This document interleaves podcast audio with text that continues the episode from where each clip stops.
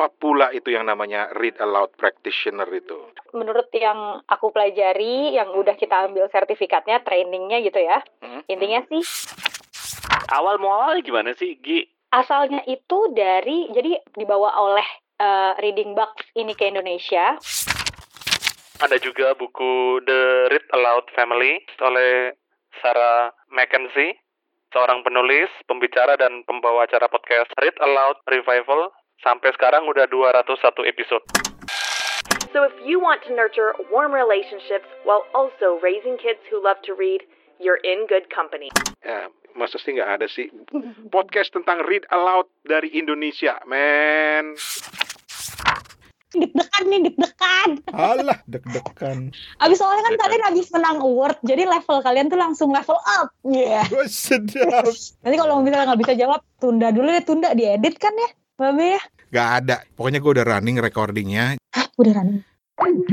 Di, Toto drop, Pak. Live tadi ini, Mas Tete. Ah, itu dia udah gabung. Nggak hang barusan nggak tahu kenapa Gak, komputernya. usah grogi gitu dong, Toh. Aku yang grogi, aku yang grogi. Iya sesuai dengan namanya nih. Eh, kok Gro Grogi Huta Barat. Jogi Bambang, ya Allah, Toto beneran deh Toto, malu-maluin aja doh. Ah, Ini bapak-bapak banget.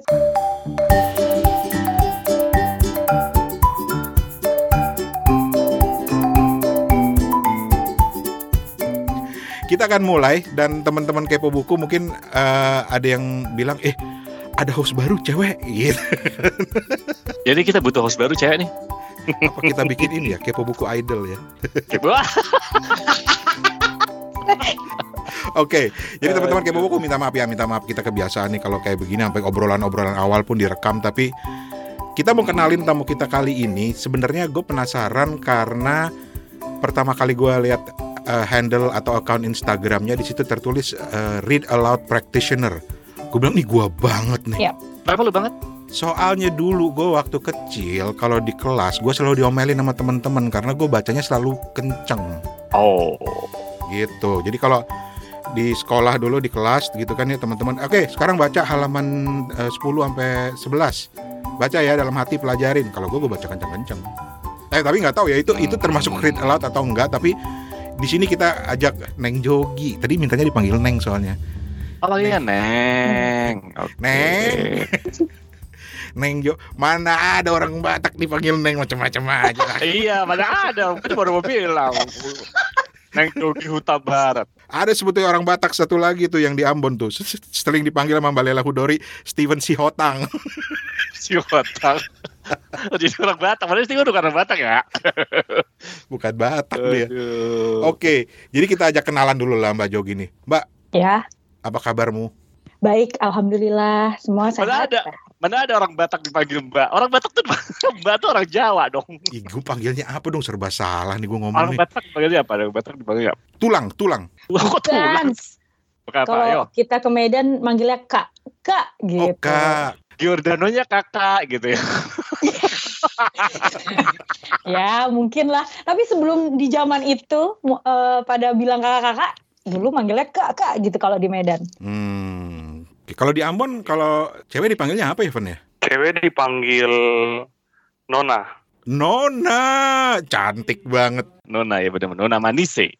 Kalau cowok Bung kan? Iya, betul. Oke, berarti kita panggil sekarang Nona Jogi. Apa kabar Nona Jogi?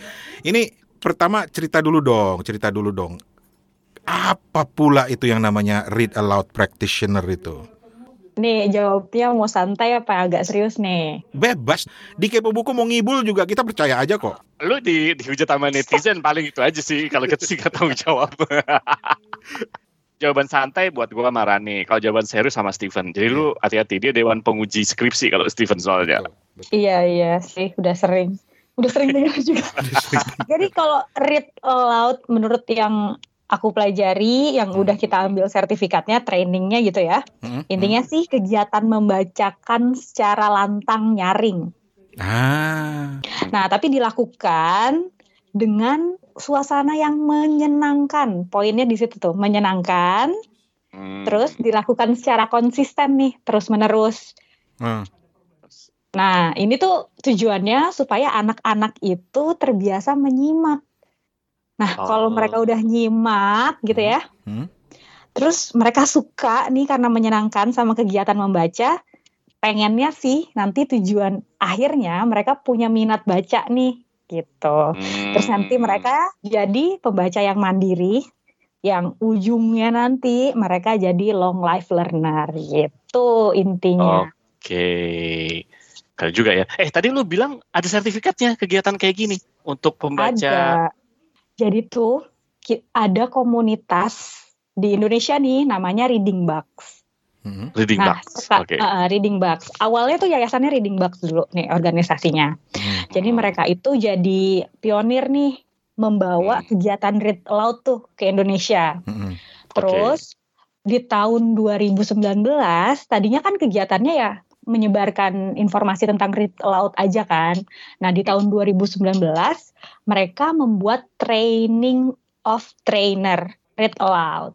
Nah, Oke. jadi setelah dari situ uh, Hmm. kita dapat sertifikat nih sebagai uh, read aloud practitioner.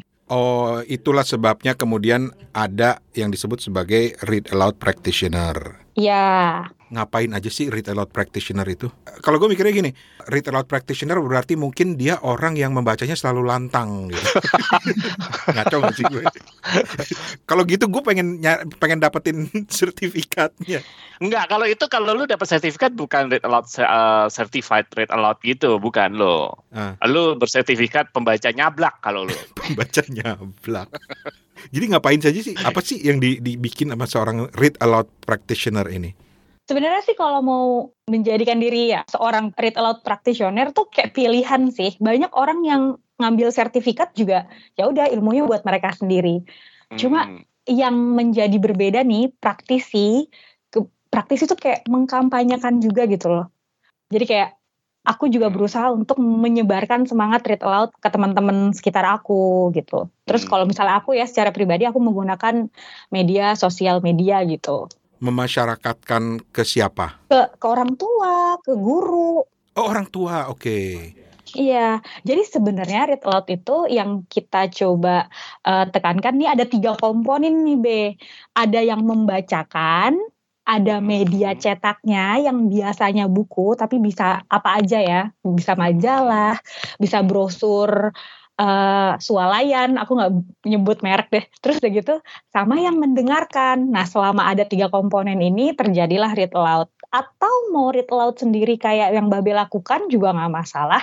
Itu memaksimalkan kerja indera ya. Jadi denger juga ngucapin juga baca juga kan gitu.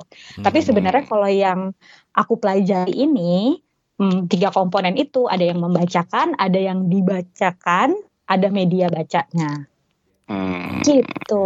Oke, awal mualanya gimana sih Gi? Sampai ada uh, read aloud ini? Awal mualanya gitu kalau dari negara mana ini misalnya dibawa kayak gitu-gitu. asalnya itu dari jadi awalnya pas da- em, dibawa oleh eh, Reading Box ini ke Indonesia, mereka Hmm. men mentranslate menerbitkan buku Jim Trillis itu dari Hmm. Amerika ya.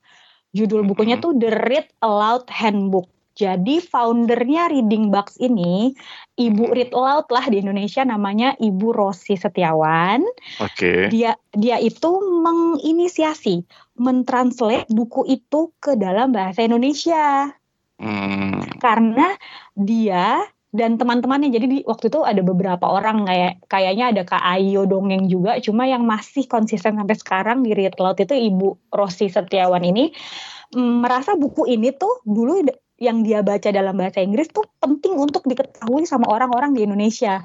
Nah, Hmm. awalnya dari situ. Lalu ditranslate, diterbitkan. Awalnya aku nggak tahu ya sama penerbit siapa, tapi kalau yang sekarang itu sama penerbit Nora. Jadi banyak orang yang akhirnya baca nih buku-buku ini Hmm. gitu.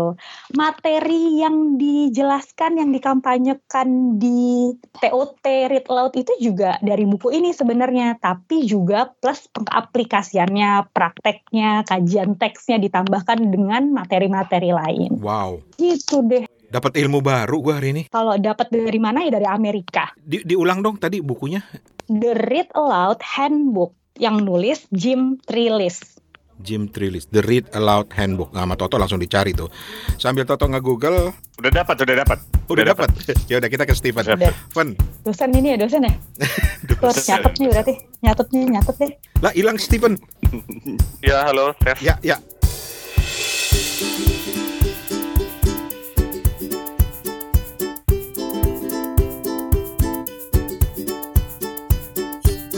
Kalau aku pengen nambahin aja, ada juga buku The Read Aloud Family, Seni Mendekatkan Keluarga Melalui Cerita, ditulis oleh Sarah Mackenzie, seorang penulis, pembicara, dan pembawa acara podcast Read Aloud Revival dari 2014. Sampai sekarang udah 201 episode Wow.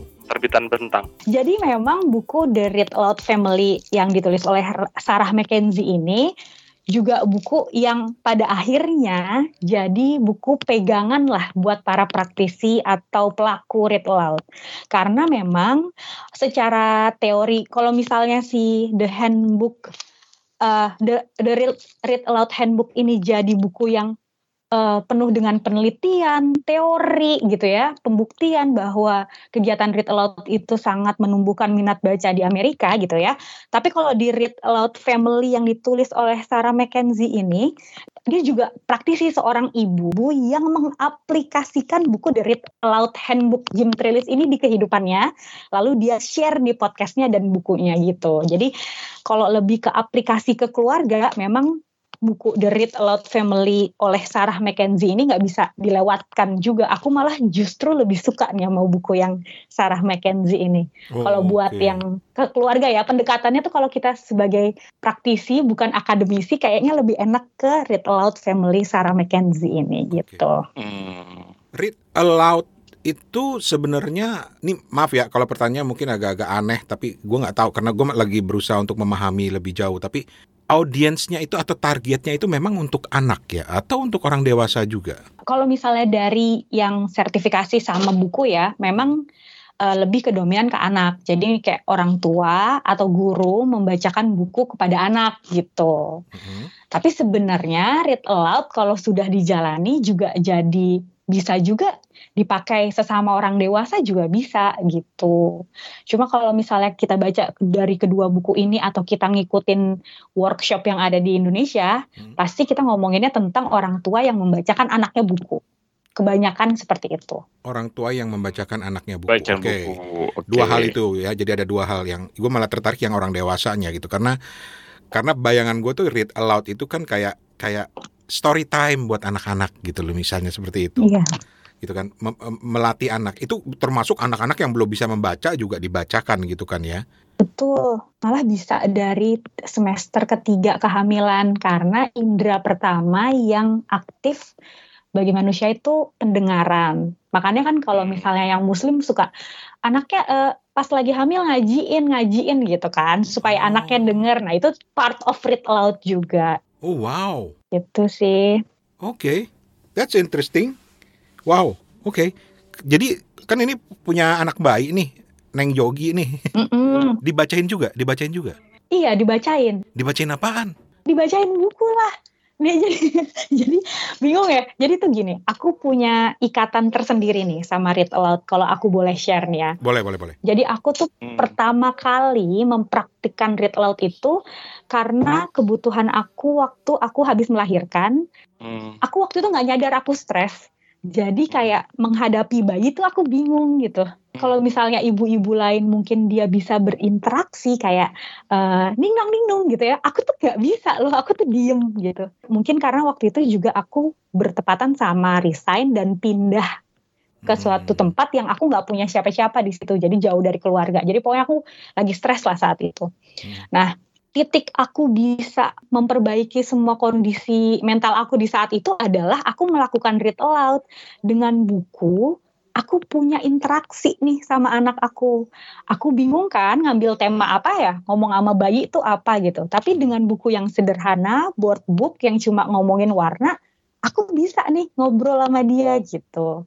Nah dari situ aku udah mulai membaik. Terus aku juga merasa kayak uh, apa ya ada sesuatu yang aku lakukan untuk anakku gitu. Di di di, di fase itu tuh memang cukup stressful sih buat aku tapi read aloud itu kayak bisa nyelamatin aku dari lingkaran itu gitu.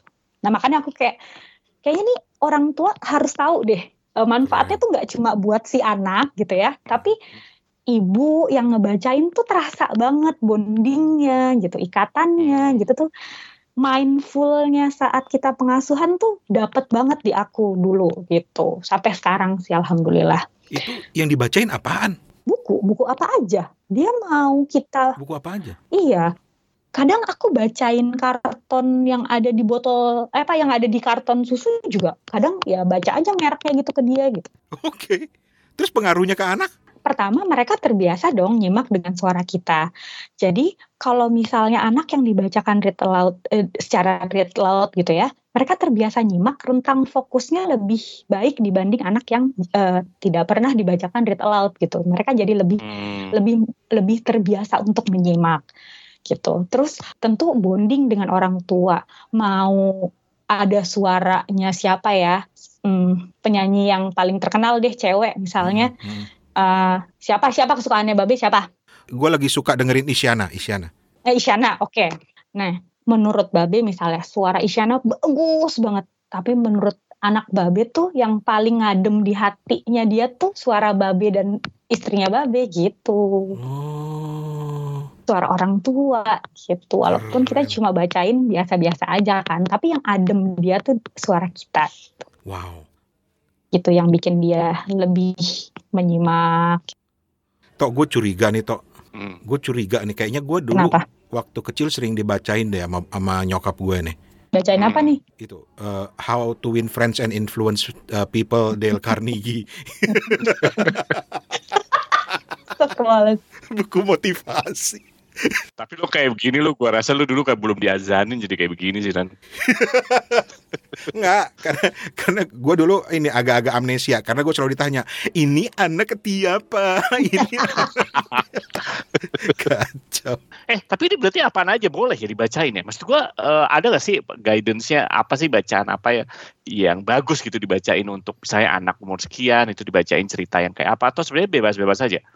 Gue takutnya kalau Rani Niru tadi bacain anak tetangga lima tahun bacain brosur apartemen lagi. Jadi sebenarnya gini, kalau misalnya kan kita tahu ya perkembangan otak kita di, manusia tuh 80% tuh di tiga tahun pertama nih. Hmm, oke. Okay. Nah hmm. ternyata untuk menstimulus biar perkembangannya tuh maksimal itu diperlukan interaksi. Nah di sini nih posisi ah. read aloud tuh ada gitu. Tapi kalau misalnya okay. ibunya bisa nyanyiin gitu, terus kayak ngobrol ya nggak masalah. Ya lakukanlah okay. yang penting interaksi okay. kan. Tapi kalau misalnya oh, misalnya kayak aku yang lagi stres nih, bingung ngobrol apa, atau hmm. ibu pekerja yang dia udah capek banget nih pulang, hmm. aku aduh mau ngasih dongeng apa, nggak kepikiran lagi kan sama dia kan? Hmm. Eh udah, lakukan aja read aloud, ambil buku, tinggal bacakan dengan menyenangkan gitu. Nah, hmm. nanti ada ngobrolnya, ada diskusinya, interaksi nih gitu. Okay. Interaksi itu tuh yang buat menstimulus si uh, otak anak tuh berkembangnya maksimal gitu. Kalau hmm. dari sisi stimulus otak ya. hmm. ya. Jadi kalau cerita ngebacain cerita anak itu sebelum tidur misalnya gitu, itu termasuk read aloud juga. Iya, itu read aloud. Hmm. Betul sekali. Itu dia yang read aloud yang sering dilakukan memang sebelum tidur sih kebanyakan gitu. Nah, terus tadi kalau misalnya pertanyaannya adalah memilihkan buku, uh, memang kita harus milihin yang sesuai dengan uh, perkembangan anaknya, pertumbuhan anaknya. Karena memang banyak sekali kasus kayak gini. Misalnya ibunya nih, pokoknya anak aku harus uh, suka baca buku, dibeliin nih buku-buku storybook gitu kan. Mm-hmm. Tapi anaknya tuh baru dua tahun setengah, yang kalau ada kertas tuh ngerobek gitu. Nah, mm-hmm. terus nanti an- ibunya udah ngasih, terus dia robek. Ah, uh, anakku nggak uh. suka baca buku. Nah, dia tuh langsung menyimpulkan, padahal uh, dia lupa uh, nih. Ternyata anak-anak yang masih eh, nggak uh, terlalu paham tentang hmm. paper harusnya dikasih board book yang tebel. Yang board book yang tebel. Uh, uh, gitu. Jadi mau mau dibanting, mau dilempar, mau dirobek nggak bisa. Jadi untuk gitu. untuk anak itu sebenarnya objektifnya itu ini untuk anak yang balita ya. Jadi objektifnya itu sebetulnya untuk menstimulasi gitu ya. Karena gue ngebayanginnya read aloud untuk ngajarin anak ngebaca nggak nggak gitu kan konsepnya kan. Hmm. Enggak, enggak, enggak, enggak. Kita enggak ada banget yang ngajarin membaca Oke. gitu. Oke. Enggak ada. Gitu ya. Tapi emang, Enggak, tapi, tapi, tapi emang bener ya anak tuh eh, ya sesuai ya. Gue jadi baru tahu dulu gue kenapa buku anak gue tebel-tebel gitu kayak Hmm. kardus gitu halamannya. Ternyata memang itu ya jadi robek ya. Karena anak Iya, kecil tuh kadang-kadang eh, kadang-kadang suka ngelempar, kadang-kadang mungkin suka kali ya eh, bunyinya juga. Dulu gue ingat banget gitu, ada gue masih kecil juga kayak gitu kan. Dia suka gitu ngemas-ngemas terus apa namanya eh, robek kertas gitu. Ya iyalah, Rani aja yang udah tua kayak begini masih suka pletak-pletekin busa Iya kan? kardus. Pletak, pletak, pletak, pletak. pengen nambahin aja dikit ya. Eh, mungkin untuk memudahkan mungkin Mas Toto ataupun pendengar lain yang kira-kira apa nih bacaan yang yang tepat yang bisa dipakai buat read aloud di rumah gitu ya. Hmm. Bukan promosi, tapi aku pengen ngenalin buku-buku dari terbitannya Rabbit Hole, Rabbit Hmm. Hole ID, Hmm. Instagramnya. Itu mereka eh, pembuat buku bayi dan anak 0 Hmm. sampai 7 tahun memuat cerita dan ilustrasi yang disesuaikan dengan perkembangan anak. Jadi kalau para pendengar yang uh, bingung kira-kira buku apa ya yang bisa uh, kita pakai untuk menemani Hmm. si kecil gitu ya. Mungkin di toko buku aduh kayaknya nih semuanya buku bergambar gitu, buku cerita bergambar tapi kira-kira yang memudahkan untuk uh, Ah. untuk 0 tahun, Ah. satu tahun, dua tahun coba aja uh, cari buku-buku dari Rabbit Hole. Itu udah sepaket kalau aku nggak salah buatan Indonesia juga.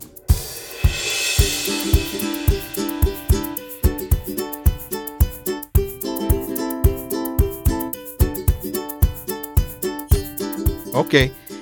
Tadi kan itu anak, tapi gue tertarik ketika tadi eh, eh, Mbak Jogi bilang bahwa read aloud ini juga bisa untuk audiens dewasa. Itu maksudnya gimana sih?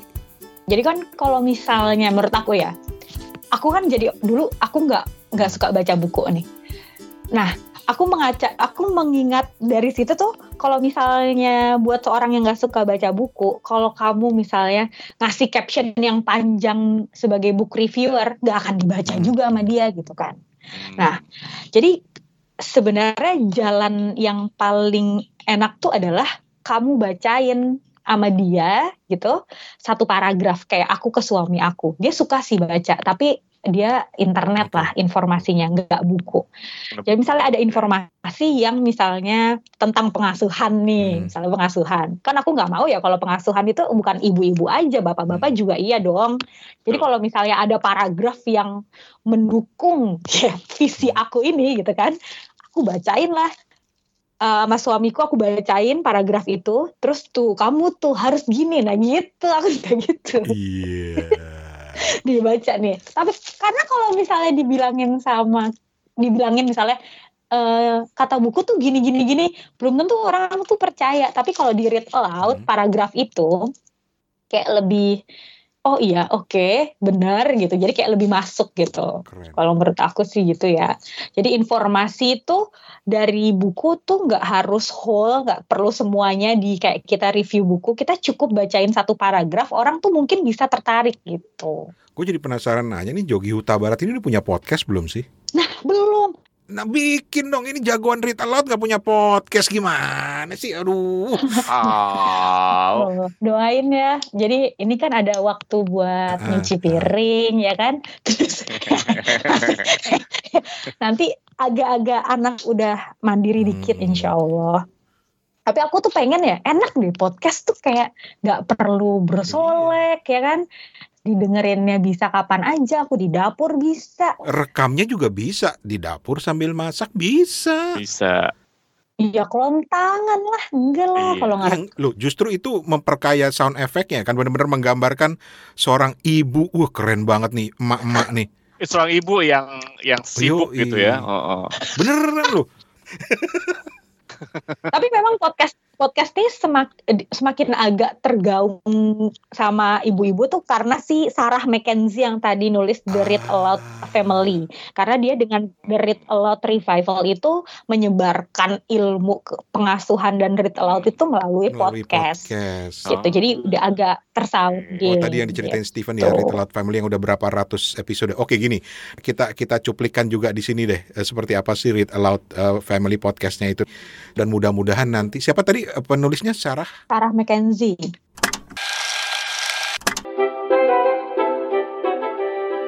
You're listening to the Read Aloud Revival podcast.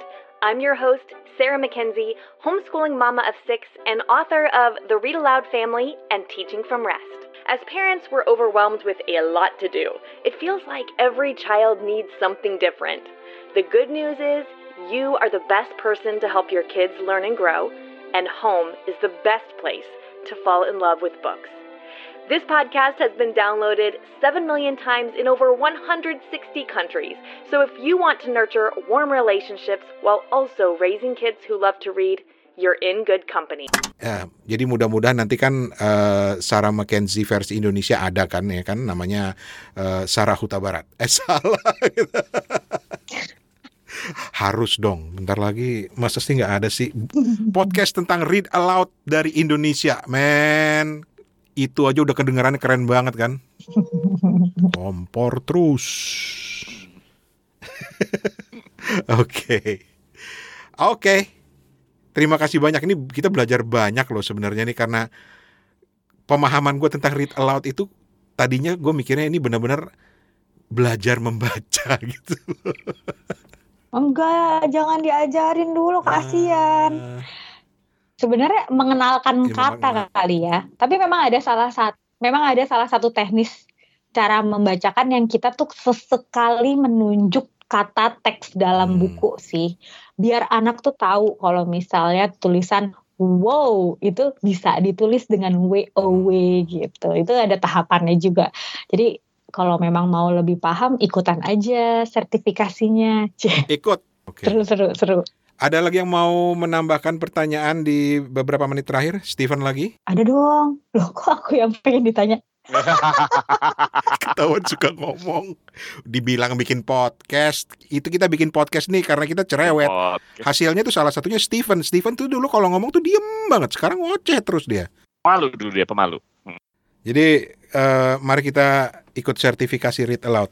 Gue pengen gitu loh masang di Insta- Instagram gue read aloud practitioner. Terus recommended by Jogi Huta Barat. Gitu.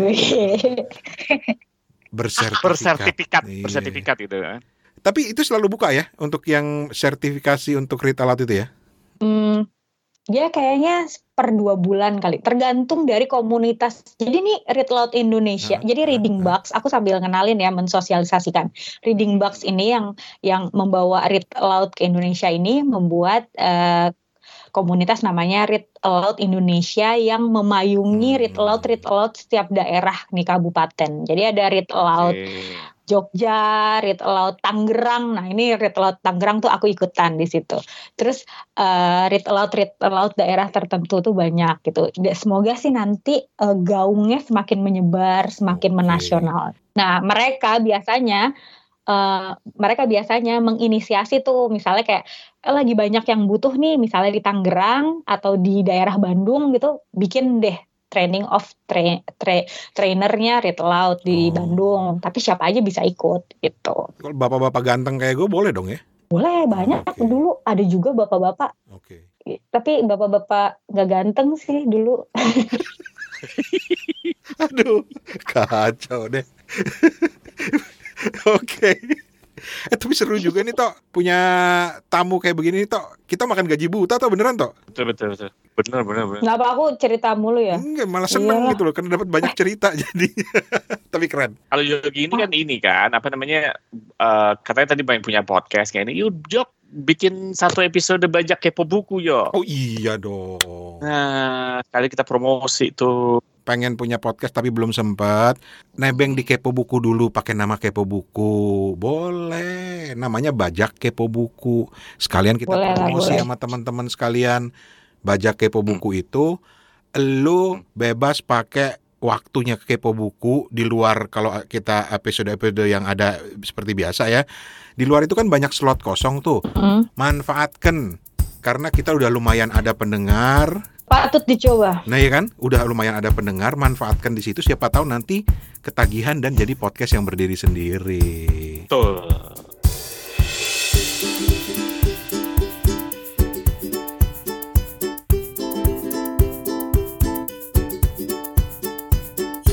Anyway, Ya, ya. Jogi terima kasih banyak waktunya. Eh, Salut. Aku juga terima keren kasih ya. Thank you. Ya. Keren banget. Jadi udah ada ngerti belum nih tentang Ritter Laut? Udah. Pokoknya gitu. gue udah bergeser. Pemahaman gue tadinya benar-benar cuma buat belajar baca. Ternyata ini lebih Oh, dalam oke. dari itu artinya. Jadi keren banget. Iya. Bo- Boleh aku sedikit tekankan jadi kayak membacakan buku secara menyenangkan supaya anak tuh suka sama kegiatan membaca. Hmm. Semoga nanti di masa depannya mereka menja- eh, suka eh, punya minat baca dan tradisi baca gitu sih intinya. Steven, tolong dicatat. Jadi poinnya menyenangkan. Steven, tolong dicatat. Hmm. Steven, tolong dicatat. Kenapa harus Steven yang harus mencatat? Boleh Ya, apa? karena penting nanti buat masa depannya Steven. Iya. Ah, tapi lu juga udah practitioner ini kan, bacain juga ya Ren ya. Bacain brosur gadget ke bini lu. Iya, dengan harapan nanti gue dibeliin gitu. Oh, Iya begitu. Ya, lu Jogi aja kalau mau menanamkan sesuatu kepada Pak Misuanya kan didoktrin dia bacain, apalagi gue Doktrin. yang ini iPhone 13 nih keren banget ya. Iya, udah dibacain Bagus brosurnya. Kameranya tajam lagi. Lu bayangin dong kalau kita lagi jalan-jalan kita foto tuh keren banget nih kayaknya. Uh, Itu kalau lagi istri lu lagi eh, bangun gitu kan. Kalau lagi Nah. tidur lu bacanya beda lagi. apaan? iPhone 13 ini bagus. Bisa buat moto, bisa. Jadi lu dihipnotis istri-istri lu. Jangan lupa. Tapi bener loh. Bener apa? Kalian tuh kayak tanpa menyadari kalian melakukan think aloud. Itu jadi kayak menyuarakan pikiran supaya orang lain tuh paham nih maksud kita gitu. Oh gitu ya? Jadi kayak next level of the read aloud. Jadi kalau read aloud itu menyuarakan teks Ah. yang ada di buku, tapi kalau Ah. think aloud itu menyuarakan apa yang kalian pikirkan tuh saat membaca buku itu Oh. supaya orang yang dibacakan tuh paham nih maksudnya. Nah, tadi yang dilakuin Oh. think aloud tuh. Wah Iya, keren. iya. Gue belajar dari Rane. Gue belajar dari Rane. Dulu kan dia bekas dukun pelet. Jadi gue lu, lu menjatuhkan martabat gue lu toh. itu salah satu lo, lo kok martabat justru itu salah satu skill yang harus patut diteladani Ya udah nanti malam sebelum tidur gue akan membaca brosur iPhone 13 Pro Max. Iya, iMac Studio. Ya, iMac Studio gitu kan ya. Kel- keluar dah bapak-bapaknya dah. Ngomongin gadget dah. Nanti sambil tidur dibacain. Terus bangun-bangun bini gue bilang gue semalam kenapa mimpi lu megang iPhone ya? Dah. Berhasil. Oke, Mbak Jogi, thank you banget ya Mbak Jogi. Jangan bosan-bosan main ke kepo buku. Sama-sama. Aku juga yang makasih banget. Oke, besok-besok jadi tamu lagi dengan membawa ibu-ibu Semoga pembaca buku Gitu.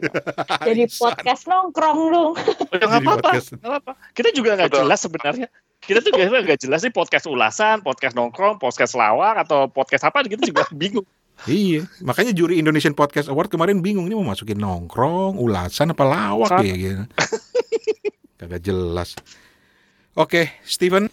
Em, terima kasih banyak Mbak Jogi. Kita udah menerima manfaat banget nih. Kita udah tahu eh, apa keunggulan dari mempraktekkan membaca nyaring dan membaca yang menyenangkan. Semoga teman-teman kepo buku tertarik untuk ikut Read Aloud Indonesia.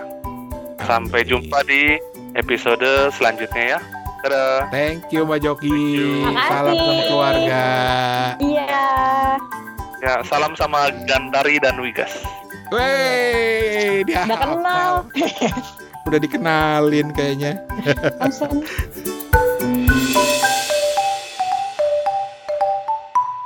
Oh ya teman-teman ini catatan aja dari editor yang keren ini yang sedang bicara ini. Eh, obrolan dengan Jogi ini sebenarnya panjang banget waktu kita rekaman, panjang banget. Satu jam lebih deh. Kita ngobrolin bukan cuma soal read aloud, tapi juga soal komunitas-komunitasnya, kemudian juga soal hobinya baca buku, buku-buku rekomendasinya Jogi. Jadi banyak banget Cuma supaya bisa lebih fokus kita pecah menjadi dua aja. Jadi di bagian berikutnya kita masih akan ketemu dan ngobrol-ngobrol dengan Mbak Jogi Huta Barat. Jangan lewatin di episode Kepo Buku yang berikutnya. Permisi, Horas. Eh, Horas apa? Ya pokoknya begitulah. Permisi. Eh, kelar juga akhirnya Kepo Buku. Oke. Nyari kopi, kopi, kopi, kopi, kopi.